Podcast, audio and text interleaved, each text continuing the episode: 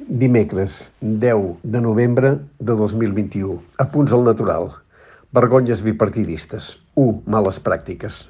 Tots sabem que la política està plena d'areceres que desafien la més elemental decència i el mínim de bon sentit que seria exigible. I és irritant que hi hagi moments que, prenent en fals l'interès col·lectiu, es facin amb tota impunitat coses que desprestigen els protagonistes, alimenten la desconfiança de la ciutadania i denigren les institucions. Després d'una patètica comèdia orquestrada pel Partit Popular, que no vol perdre pes en institucions decisives en la governança de l'Estat per ballar per la protecció dels seus interessos, enmig d'un considerable carrusel judicial, s'han començat a fer les renovacions pendents de determinades institucions carregades de mandats caducats. I així hem arribat al cas de la renovació de quatre magistrats del Tribunal Constitucional. Una vegada més, ha quedat clar que el PP i el PSOE, com tal de mantenir la conxorxa bipartidista, no tenen vergonya.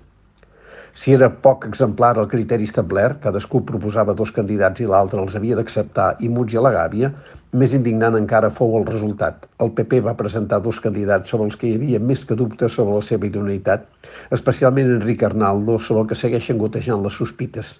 El PSOE calla i atorga. És més, O'Donnell Horta es va mostrar impertinent amb el candidat i està castigat pel partit. Conseqüència, els dos grups del govern, el socialista i el d'Unides Podem, se'n passen el gripau com si res hagués passat. Sé que vivim en un sistema de comunicació que les notícies estan poques hores en escena i un disbarat en tapa un altre ritme accelerat. Però el fet és que amb operacions com aquestes la imatge de les institucions segueix embrutant-se, el PSOE i Unides Podem a remolc cedeix de manera ridícula davant del PP i la dreta tan ampla perquè sap que el seu electorat té aquestes coses perfectament assumides dos populismes. Però passem de l'anècdota a la categoria. La conxorxa bipartidista en la que Podem, en aquest cas, fa un trist paper d'estrassa, la consolidació del govern de coalició ja fa temps que inquieta l'Espanya oficial representada per la dreta i amplis sectors del Partit Socialista, els fills directes del felipisme. 2014, amb l'abdicació de Joan Carles I, l'erupció de Podem a les eleccions europees, la consulta catalana del 9-N, la confessió de Pujol, la crisi de Caja Madrid, fou un moment indiciari de l'esgotament del règim del 78, aquell que ningú ha estat capaç de reformar en quatre dècades.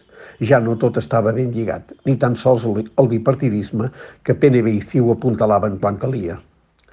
En el clima de canvi generat per Podem i per l'independentisme va créixer el tòpic del populisme, un recurs amb pretensions teòriques que en realitat és una doctrina per marcar les fronteres d'un sistema que s'hauria de distingir per la seva capacitat d'integració i no per convertir en, en un recinte tancat l'espai d'allò que és acceptable.